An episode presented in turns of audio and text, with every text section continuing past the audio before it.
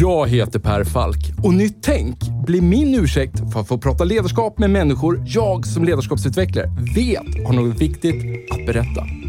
Och med tio avsnitt per säsong, varannan vecka, gräver vi därför ner oss i tekniker, principer och synsätt för att vi ska sätta fingret på vad som kännetecknar det ledarskap vi alla behöver se mer av. Och för att få de här samtalen att hända så har vi sponsorer. Först och främst min arbetsgivare Mindset där jag och mina kollegor tar fram både små och stora ledarskapsprogram som skapar de nya beteenden som behövs för att få er strategi att hända. Allt handlar om att noga identifiera moments that matters. Samt Promote, som är den självklara digitala plattformen för dig som vill skapa effektfulla lärresor och ett mätbart resultat i verksamheten. Och om ni vill ge era nya medarbetare en riktigt bra introduktion med en välkomnande och effektfull onboarding så tycker jag ni ska kontakta superproffsiga Induction. Ni hittar såklart länkar i avsnittsbeskrivningen.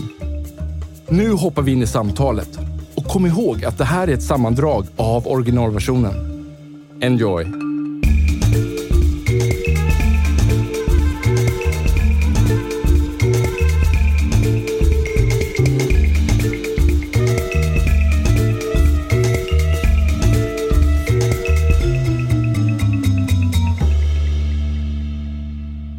Nyligen då satt jag på en middag och under samtalet, och jag vet inte hur vi kom in på det, men plötsligt var det någon som hade hört någonting då. Liksom. Antingen av en förstahandskälla eller så fanns det någon där emellan. Men någon tyckte sig ha förstått och hört att ett annat lärosäte i Sverige på universitets och högskolenivå, det var inte Handelshögskolan vi pratar om, men att de då hade konstaterat att dagens studenter eh, kan inte samarbeta. De har inga samarbetsskills. Så att de har helt enkelt ja, men så här, försöker minimera allt som har med grupparbeten att göra eller diskussion.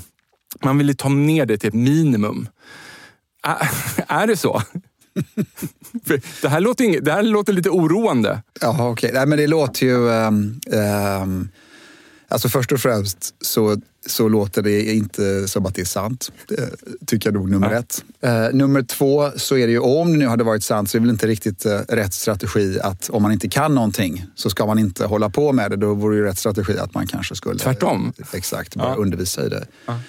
Men på Handelshögskolan så är samarbete någonting som är en viktig del av undervisningen och studenterna är väldigt duktiga på det. Studentkåren själva, ehm, de har som sitt motto Sharing is caring. Så det är de, sant? Ja, det är sant. Ja. De, så det gör de jättemycket.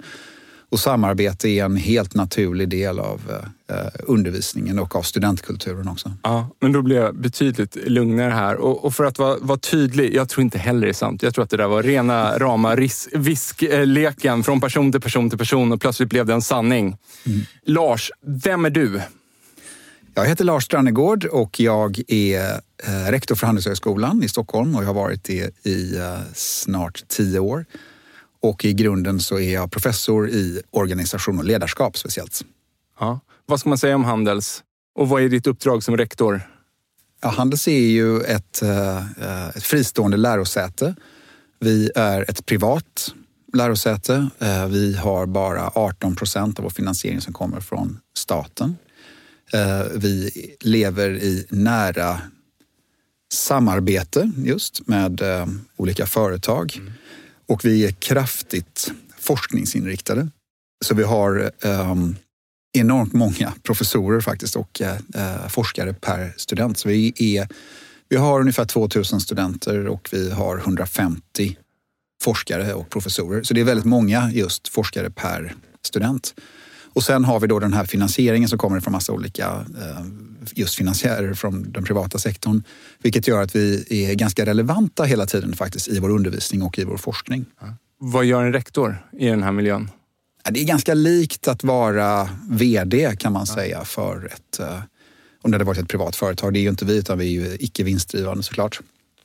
Men det handlar egentligen om att i stor utsträckning så handlar det faktiskt om att eh, dra in finansieringen. Mm. Men också att då ta fram strategier och, och, försöka göra den här detta lärosäte till, ett, eh, ja, till någonting som når ut över världen helt enkelt. Leverera en bra produkt leverera. Till svenska företag? Ja, ja och världen bortom, stort. Bortom det kanske? Ja. Och egentligen så är grunduppdraget att vi ska stärka svensk konkurrenskraft ja. med forskning och forskningsbaserad undervisning. Ja, och vet du vad? Det är just därför som du är inbjuden här, för jag tycker det är så spännande skärningspunkt. För jag tänker så här att dels så ligger du nära örat på rälsen hur unga talanger idag resonerar. Vad är deras drivkrafter? Vad vill de med sin framtida karriär? Eh, men så tänker jag också om att, precis som du var inne lite på, att ni torde ha någon bild över hur, så här, hur ska vi träna våra studenter idag för att de ska liksom vara konkurrenskraftiga för morgondagens arbetsliv? Mm, exakt. Vad gör ni för analys kring hur ni måste träna dem framöver? För att de ska vara konkurrenskraftiga. Men den är väldigt, eh, det, det, är ju det apropå den här med relevansen då som eh, vi, det, det, är så att vi har då över 80 procent av vår finansiering kommer ifrån privata medel och, eller snarare icke, uh, icke fasta statliga medel. Och då har vi har över 100 uh, partnerföretag. Mm. Och mitt jobb det går ut på, är väldigt, det är väldigt repetitivt så tillvida att jag talar med de här bolagen och sen ställer jag, vad är det ni egentligen behöver för typ av kompetens i framtiden? Mm. Och det som de säger då, det är att de här, de här bolagen då, det är att de vill ha individer som kan våra kärnämnen, alltså företagsekonomi, nationalekonomi och finans. Man måste veta exakt hur en balansräkning relaterar till en resultaträkning ungefär. Mm. Eller vad som händer när en utbud och efterfrågekurva möts. Men därutöver så behöver man ha eh, eh analytisk förmåga, man måste kunna samarbeta med andra. Man måste ha en väl utvecklad kreativitet. Man måste förstå vikten av kultur och värderingar därför att det blir viktigare och viktigare för varje år med en förändrad demografi och med eh, det faktum att det är värderingar som styr bolaget väldigt, väldigt mycket. Mm. Och då att eh, de ska kunna börja leverera värde direkt. De måste kunna liksom den här eh, världen direkt. Så vi har en ganska tydlig eh, önskelista.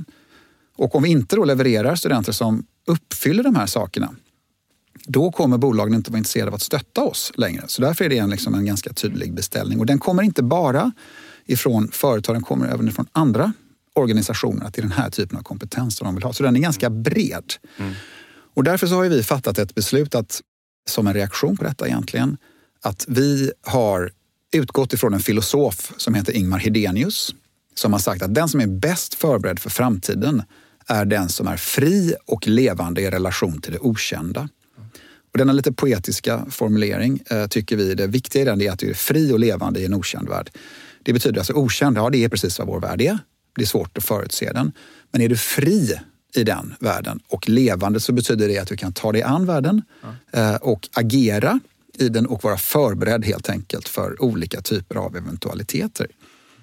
Och då står man liksom med båda fötterna på jorden och säger okej, okay, jag kan inte allt, jag förstår inte allt, men jag känner mig ändå tillräckligt redo för att säga till världen, kom igen, mm. Eh, bring it on, här mm. står jag redo att ta emot dig. Och därför är detta med fri så otroligt viktigt för oss. Och det är ju så att utbildning är i grunden ett emancipatoriskt, alltså frigörande projekt. Det är en, en verksamhet där du ska frigöra människan. Mm. Och varje utbildning bör kunna mätas på eh, hur mycket frihet den ger en individ. Och vi har, det, liksom, det spelar ingen roll vilken nivå det är på. Är du en uh, ung liten flicka i Indien mm. så ökar dina frihetsgrader om du har gått igenom grundskolan jämfört med om du inte mm. har gjort det. Mm. mm. Då kan du veta, du kan stå upp mera. Om någon säger till dig vad du får göra och inte på grund av att du är flicka eller inte så mm. kan du liksom vara utbildad nog för att säga nej, du är tyst därför att jag tycker att jag har mina rättigheter. Då ger liksom utbildning frihet. Och det gäller alla nivåer och vi tycker det är supercentralt. Och därför har vi som vår metafor, det är att man går in genom den stora ekporten på Sveavägen när man börjar sitt program. Mm. Och när man är klar med sitt program, då ska hundratals andra dörrar öppnas för en. Mm. Och det är liksom antalet dörrar som öppnas eh, är det som mäter helt enkelt hur bra utbildningen är. Mm. Och då har vi tagit detta fri och det emancipatoriska som utgångspunkt i vår utbildningsmission och den förkortar vi FREE just. Mm -hmm. Där F står för fakta och vetenskapligt baserat synsätt. Och det är jätteviktigt i en värld av eh, falska nyheter och, och ja. åsiktskorridorer och så. Därför att då måste man veta vem är det som sitter inne med sanningen? Vem är det som försöker att fabricera sanningar? Mm. Och då måste man kunna vara bättre på att göra distinktioner mellan olika typer av kunskapsanspråk. Mm. Så det är F. Mm. R står för reflekterande och självmedveten. Mm. Och reflektion är egentligen vetenskaplighetens syster på något sätt. Va? Att du måste kunna reflektera över de här frågorna. Vem är jag? Vem påverkar mig? Varför påverkar de mig? Varifrån kommer mina attityder, mina åsikter ifrån? Mm.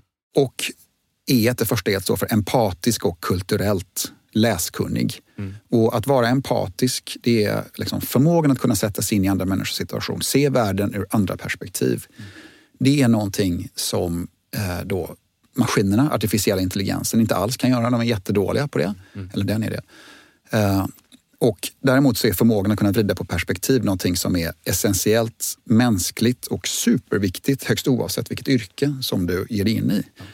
Så att eh, du blir liksom en bättre marknadsförare eller eh, journalist eller chef eller statsminister what have you. Mm -hmm. Och du blir också en bättre människa om du har förmågan att kunna se världen ur andra En grundläggande bas, vart man än tar vägen. Precis. Ja. Och det går att träna sig mm. till eh, mm. ett empatiskt mm. synsätt mm. och, och bli, bli liksom, få fler perspektiv. Till exempel är konst, högkvalitativa kulturella uttryck generellt, litteratur, vägar att träna det. Så typ läser du en bra bok, ser du ett bra konst, läser du Romeo och Julia, då vet du hur det är att vara kär i fel person trots att du själv inte har levt i ett imaginärt Italien för flera hundra år sedan. Mm. Så det är liksom det som litteraturen gör, det kan ju förflytta dig till andra tider och andra platser. Mm. Och det är därmed ett sorts eh, snabbspår till eh, empati. Och sen är det sista E står för entreprenöriell och ansvarstagande. Och det entreprenöriella betyder inte att alla ska starta egna bolag själva. Mm. Men det betyder att du har ett ifrågasättande, mm. nytänkande synsätt. Du accepterar liksom inte den rådande ordningen. Nej.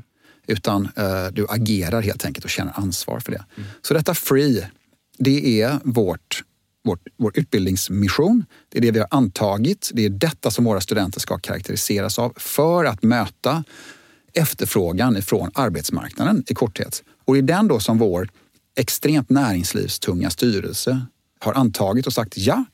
Ja, typ med Jakob Wallenberg som är ordförande i Handelshögskoleföreningen. Eh, det är liksom det gänget som säger okej, okay, detta är vad Handelshögskolan ska syssla med. Det är empati, kreativitet, faktabaserat och vara reflekterande. Det är inte helt, det är ganska långt borta ifrån uh, detta med de uh, fördomar som du Verkligen. tar. Så, det, Verkligen. Det är så, är det. så därför så satsar vi då... Alltså jag sitter ju bara och myser på insidan. Jag, jag blir jätteinspirerad ah, av att höra det här. Jag vill verkligen från hjärtat. Nej, men så att, och detta är så alla, alla beslut som vi fattar har att göra med detta. Därför så fyller vi då vår verksamhet och våra lokaler eller miljöer med till exempel eh, samtidskonst. Mm alla som lyssnar på detta är varmt välkomna, även om man inte lyssnar också, eh, till Handelshögskolan och titta på eh, kanske en av det här landets mest intressanta konstinstitutioner faktiskt nu. Ja.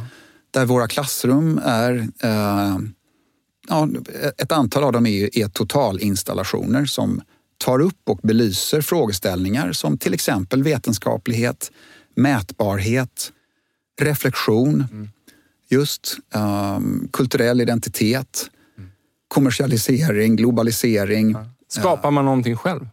Ibland gör man det också, men egentligen så är det, uh, det är liksom mest att vi har det som, en, som ett moment av kunskaps, ett kunskapslager till så att säga. Det finns den möjligheten, men vi är liksom ingen konstskola egentligen, utan, utan man, vi skapar miljöer där, mm. där man ger egentligen fler botten. Då vill vi att konsten ska fungera som ett sorts intellektuellt klipulver, säger man. Att det liksom öppnar upp andra eh, vägar, dimensioner och får en att eh, tänka på ett annorlunda sätt. Ja. Hur tränar ni hands-on kreativitet? Förutom då att vara i en... Det låter ju som att du satsar på att bygga en kreativ miljö där man ska få känna sig fri i tanken. Men vägen in det som ett särskilt liksom, ämne, eller, liksom, eller, eller inte ämne, det är fel. Alltså jag menar så här att hur, hur får ni in kreativiteten i kurserna rent konkret? Ja, men det finns ju dels ett antal sådana kurser som ja, men Emma Stenström till exempel har ett antal sådana mm. eh, kurser. Men egentligen så är det ju, för oss så är, är eh, målet det är att öka egentligen typerna av kunskap. Det är liksom det är också att, också att man ska utsätta studenterna för saker de inte riktigt är vana vid. Mm. Många kommer in och de är vana vid att vara duktigast i sina klasser och så och har ganska gott självförtroende. Det är bra att ha gott självförtroende men det är också bra att bli ödmjuk. Mm.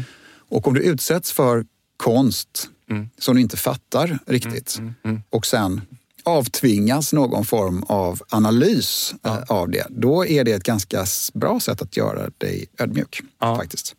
För att också få höra andras perspektiv av exakt samma installation eller ja, föremål. Mm. Så att vi har inga regelrätta kurser i liksom kreativitet på det sättet. Mm. Men du kommer in i en miljö, då är det det första du ser, det är en videoinstallation. Uh, vi har ett kurerat videoprogram som vi gör i samarbete med Magasin 3 eller, eller Moderna Museet och så. Mm. Och då är det någonting ändå som skapar en känsla, en, en, uh, ja, just en typ av atmosfär faktiskt som egentligen bara gör att du... Att du uh, ja, men dels blir man liksom, det finns ett visst osäkerhets moment i det. Vad gör det här? Varför är det här? Ja. Eh, men sen också ett sätt att man då förhåller sig och, och, att man då öppnar upp. Det är det som är vår poäng med detta. Att vi, att I Sverige så har vi ett utbildningssystem som bygger på specialisering väldigt tidigt. Mm. Extremt tidigt, skadligt tidigt tycker jag. Mm. Mm. Till exempel så börjar man Uh, ja, ta någon som är intresserad av ekonomi. Då börjar man när man är 15 år på gymnasiet och specialisera sig på ekonomiskt program. Då läser du tre år ekonomi. Mm. Mm. Sen läser du en kandidat eh, examen mm. på universitetet i tre år och läst sex år ekonomi. Och sen mm. läser du en, en master som i, i, sig är en specialisering. Mm. Så har du läst åtta år ekonomi specialiserat på det. Då har du liksom skygglappar som har börjat bändas inåt mm. när du är 15 år gammal. Mm. Det är, tycker vi är dåligt och därför måste man bända upp de skygglapparna så att du mm. tar in världen mycket mer, så att du breddar din syn helt enkelt på det. Så att det är det som vi använder konsten till också. Den är liksom, ju mer du vidgar din syn på det, desto mer liksom, mångfacetterad blir kunskapsinhämtningen och därmed så hoppas vi att det också kan leda till ett mer ödmjukt och därmed också då kreativt förhållningssätt. Om man skulle sätta dig som rektor då på, en, på en grundskola, vi fantiserar loss lite där. Vad, vad hade du velat göra? Ja, men jag tycker att grundskolan En, en helt hypotetisk, liksom, eller ett gymnasium då för den delen också. Liksom. Men, men... Ja, men då tror jag väldigt mycket på en, eh, just på bredd. Du, du måste ju liksom, speciellt i den mångfacetterade och eh, komplexa värld som vi befinner oss i. Mm. Då måste man ju eh, öka känsligheten för olika typer av världsbilder, olika typer av kunskaper. Mm. Och då, så jag hade ju försökt att vara så bred mm. som bara möjligt. Mm.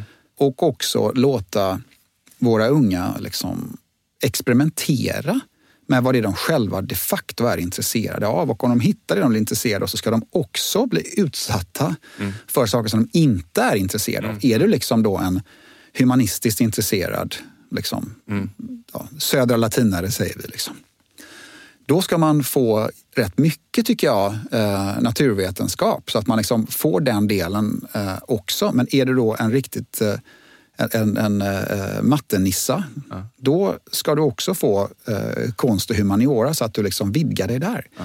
Och ju, ju, bredare du är, desto mer så ökar sannolikheten att du blir en bättre beslutsfattare och en också bättre människa de facto.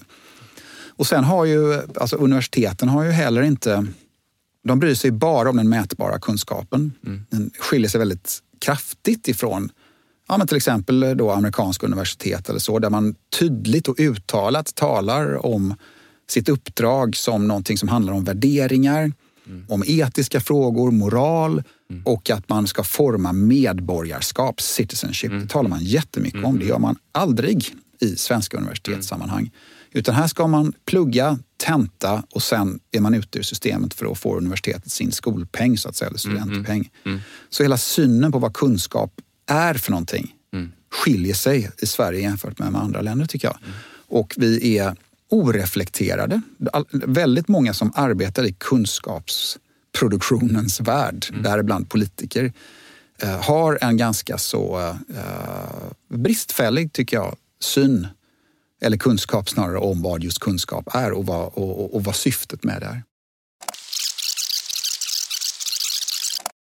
Jag gör ett hopp. Mikael Dahléns kurs om lycka.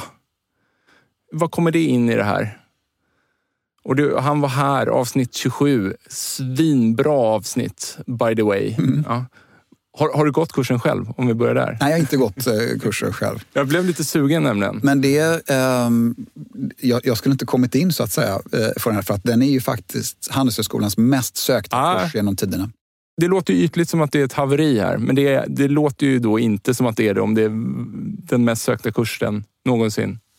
Ja, men det, är ju, det beror på vad man menar med haveri.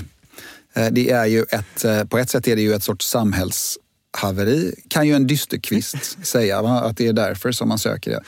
Det kan å andra sidan, apropå misslyckanden och haverier, ses som någonting otroligt positivt. Därför att just välbefinnande eh, och att man då liksom förstår att ja, men liksom hållbarhet överhuvudtaget börjar rätt ofta med en själv och hur man agerar i världen, hur man agerar gentemot andra. Och att förstå sig själv och att förstå andra, det är ju det den typen av kurs egentligen är ute efter att göra. Mm. Och det är ju så i samhället så är ju mental ohälsa är ju ett av de största problemen mm. som vi har. Mm. Och vår studentkår, mm. de eh, gör ju år efter år nu faktiskt, så prioriterar de just den mentala eh, eller psykiska hälsan. Mm. Det ligger liksom högst upp på deras, eh, deras prioriteringslista. Så det är ju ett sorts svar som vi har mm. på att detta är vad studenterna vill. Samtidigt så har vi ju också finansiärer, helt privatfinansierat detta. Mm. Eh, vi har fått in mängder med miljoner ifrån eh, välgörare, alltså filantroper. Mm. De tycker också att detta är något som är viktigt. Så i relevansens eh, namn, så att säga, för det är det vi alltid agerar efter. Vi upplever ett tryck från studenter, vi upplever ett tryck ifrån eh, då, bolag och mm. finansiärer till att faktiskt göra detta och då agerar vi och gör det har den blivit lite trendsättare så att det har spritts utomlands? Bussen. Det, det är ju... så att Stanford tittar på, på er. Vi, kommer ha, vi, har, ja, vi måste men... också ha en eh, kurs om lycka, kanske de tänker. Jo, men det, alltså, eh, det har ju blivit väldigt omskrivet. Mikael Dahlén har ju mängder med olika typer av samarbeten. Eh, och vi tycker att det är en naturlig del, är självklart egentligen om man tänker på det, att vi ska syssla med detta därför att egentligen är man då, är man en ekonomihögskola som vi är, då, då kan ju någon oinsatt tro att det, att det bara handlar om pengar, ja. så att säga. Och då säger vi att men pengar, det är, är, ju bara en, eh, en proxy. Alltså, eh, det är ju liksom en anledning till att, att, att, att pengar är bra, eh, att man gillar att ha pengar på sitt bankkonto. Det är ju för att pengarna kan växlas in till någonting annat som man vill ha. Mm. Nämligen självförverkligande, trygghet, hälsa, tid. njutning.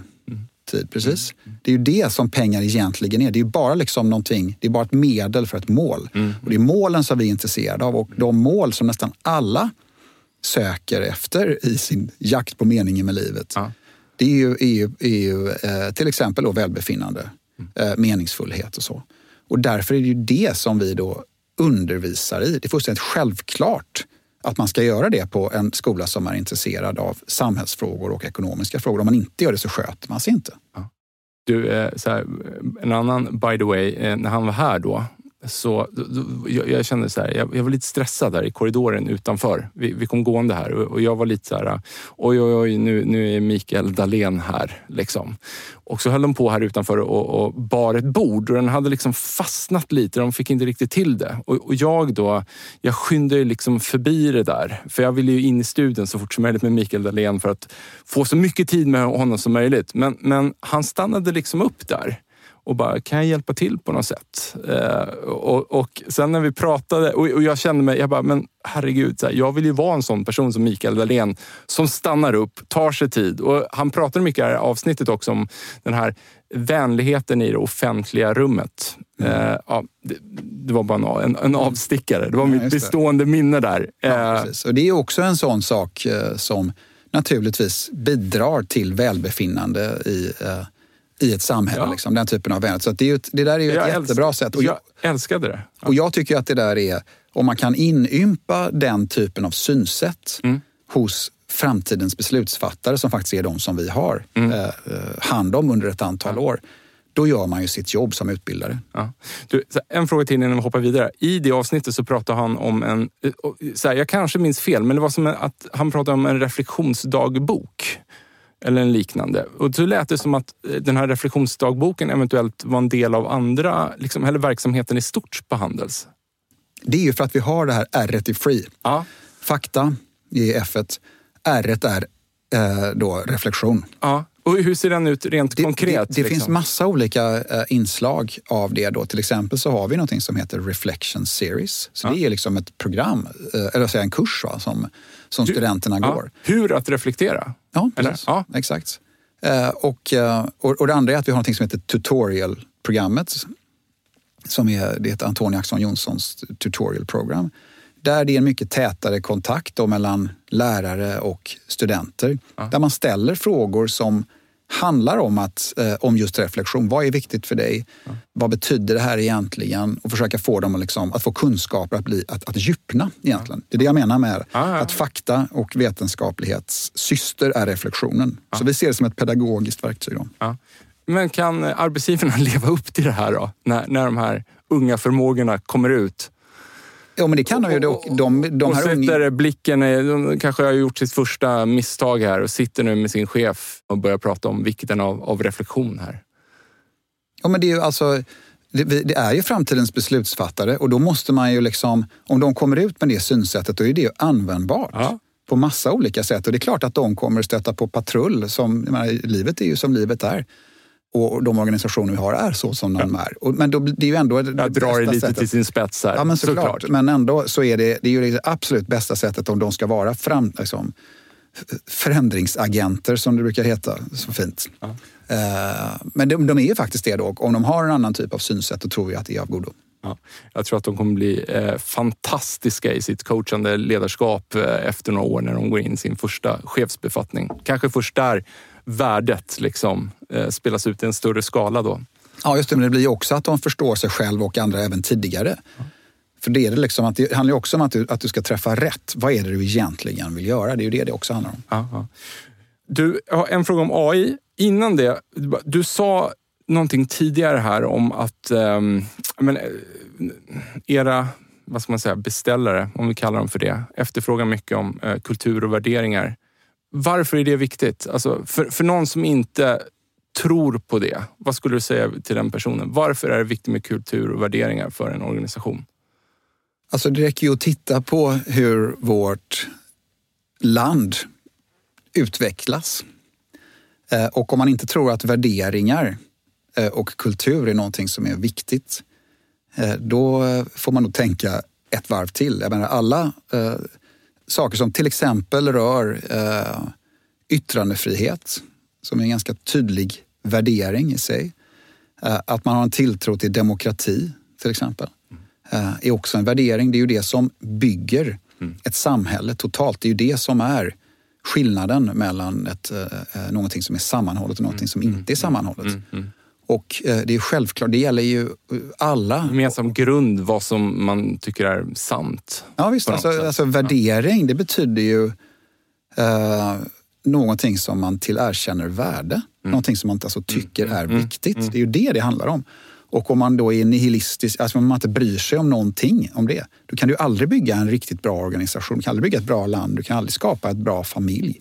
Du kan inte bygga en relation. Mm.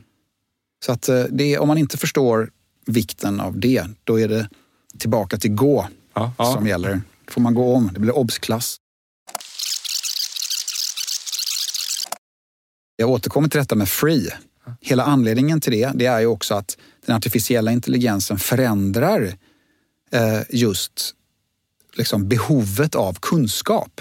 Har du bara en, den gammaldagsa synen på kunskap, ja, då blir det ett problem. Men om man istället ser det som att okej, nu finns den här eh, generativa AI.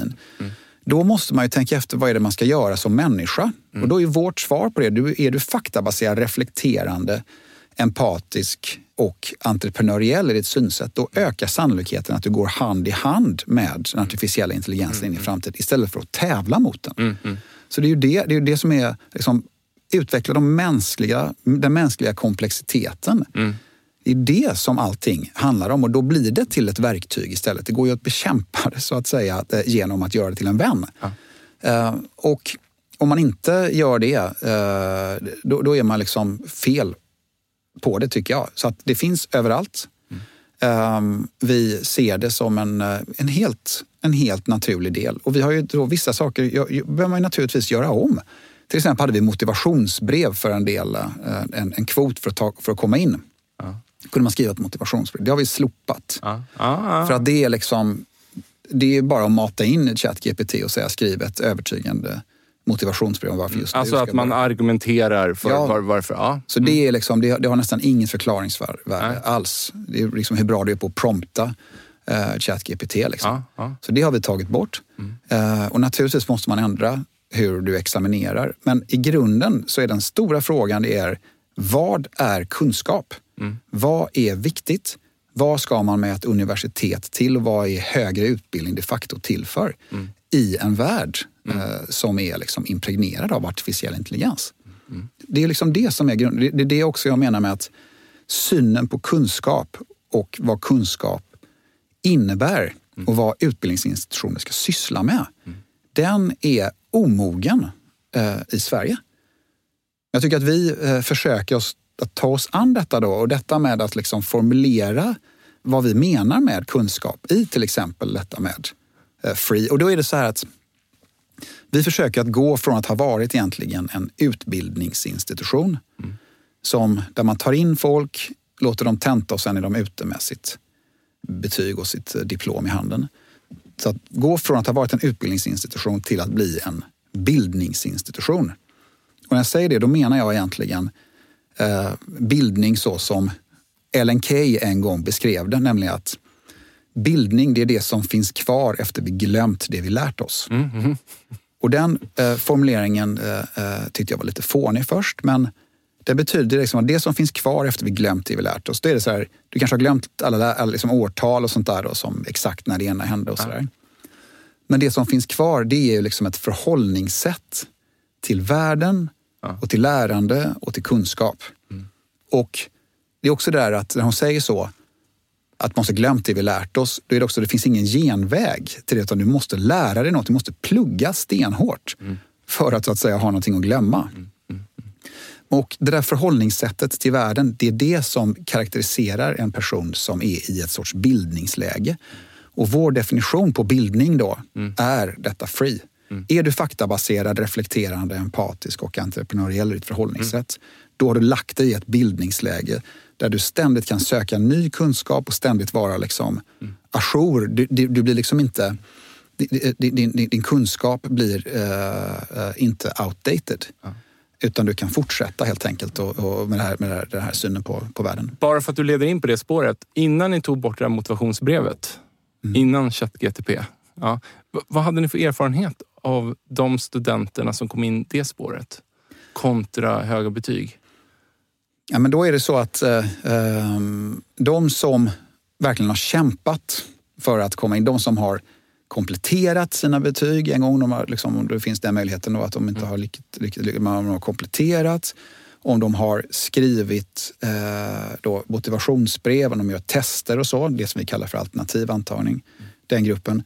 De går det ofta väldigt bra för. Det går bra för alla ska jag säga. Eh, men det går rent betygsmässigt på Handels så går det aningens bättre för de som verkligen har kämpat för att komma in. Och har, liksom, tar du tid att skriva ett motivationsbrev så är det, det liksom, säg något istället för att du bara trycker ett kryss. Ja, det, det där är ju intressant. Ja, så så vad, vad, är, vad är morgondagens motivationsbrev då? Hur ska ni skriva? För allt det du har pratat om, allt vad ni vill skapa via det liksom free. Mm. Är, är free er kultur? Kan man säga det? Absolut. Ja. För man skulle ju kunna tänka sig att man screenar studenter mm. särskilt för att liksom embracea det. Mm. Ja. Absolut. Och, och hur, gör ni det eller vill ni göra det? Eller hur skulle man Nu måste kunna... man ju känna dem på pulsen lite grann i, till exempel eh, ja, men personliga möten eh, där, du, där du då kan se mm. eh, liksom, hur är, vad är detta för typ av person mm. egentligen. Mm. Så att du får en mer eh, mångdimensionell uppfattning. Det mm. finns ju massa problem med det naturligtvis därför att då kommer allt sånt där med eh, personliga preferenser och Eh, och, och, sånt där in i det. Men du får ju försöka göra en avvägning då mellan betyg, EQ-test. E kan det vara också. Då. Alltså du kan göra alltså, en mängd mm. olika eh, sätt därför att, för att försöka få en mer mångfacetterad bild. Ja, ja. Ja, du, eh, vi, här, vi ska börja avsluta eh, och så tänkte jag bara det. Vad, din för det första, att vara ledarskapsforskare, det känns ju sjukt otacksamt att liksom komma in i en formell ställning där man behöver ta ansvar. Då. Det måste ju finnas sjukt mycket förväntningar. Ja, så vad tar du med dig? Hur du, liksom, det ledarskap du tror på. Du, jag menar, du har ju en ledningsgrupp. V vad blir viktigt för dig i den här ledningsgruppen vad gäller att leva allt det du har pratat om här? Nej, men det är ju, alltså, du frågade om eh, free är våra värderingar, men ja. så är det ju i ja. stor utsträckning. Så det, jag förstår det. Så det ledsagar ju ganska mycket, eh, tycker jag ändå. att det är. Vi har ju enormt kvalificerade eh, människor som jobbar hos oss. Verkligen alltså. Det är ju det är extremt duktiga människor och, och liksom akademiker som är inte så lätta att tas med heller. Där de ser varje beslut ifrån, ifrån ledningen som ett första inlägg på ett seminarium. Typ. Ja så, så måste man ju hela tiden uh, försöka liksom förklara, motivera hela tiden varför man anser att en viss riktning är värd att gå i. Så att det, det, det handlar väldigt mycket om just artikulationsförmåga mm. uh, och att lyssna på andra men sen också då liksom, ja, men egentligen fatta beslut. Detta är en väg som vi behöver gå, den är viktig därför att uh, effekterna bedömer jag som, som väldigt positiva om vi går den riktningen. Ja. Är, är det angående reflektion, är det någonting som du behöver jobba med hos dig själv? Fortfarande? Alltid. Ja. Så är det ju. Är det något särskilt? I, där vi just... som du sliter med? Alltså jag behöver bli bättre på? Nej, men det är ju, ja, men det, det är ju det är liksom ett ganska stressigt jobb. Det går liksom i ett uh, hela tiden. Så att egentligen försöka uh, just att, att, reflektera. Är detta rätt sätt? Är det rätt prioriteringar? Ja. Och egentligen inte bara dra på liksom, utan faktiskt uh, ja, behandla varje fråga med ännu mer eftertänksamhet. Ja. Vart samlar du energi? Det gör jag eh, absolut hemma hos min väna hustru. Stort tack för att du eh, tog dig tid att komma förbi Lars. Tack så mycket, roligt att vara med. Tack. Hörni, tack till våra sponsorer Mindset, Promote samt Induction för att ni tror på den här produktionen. Ta hand om er.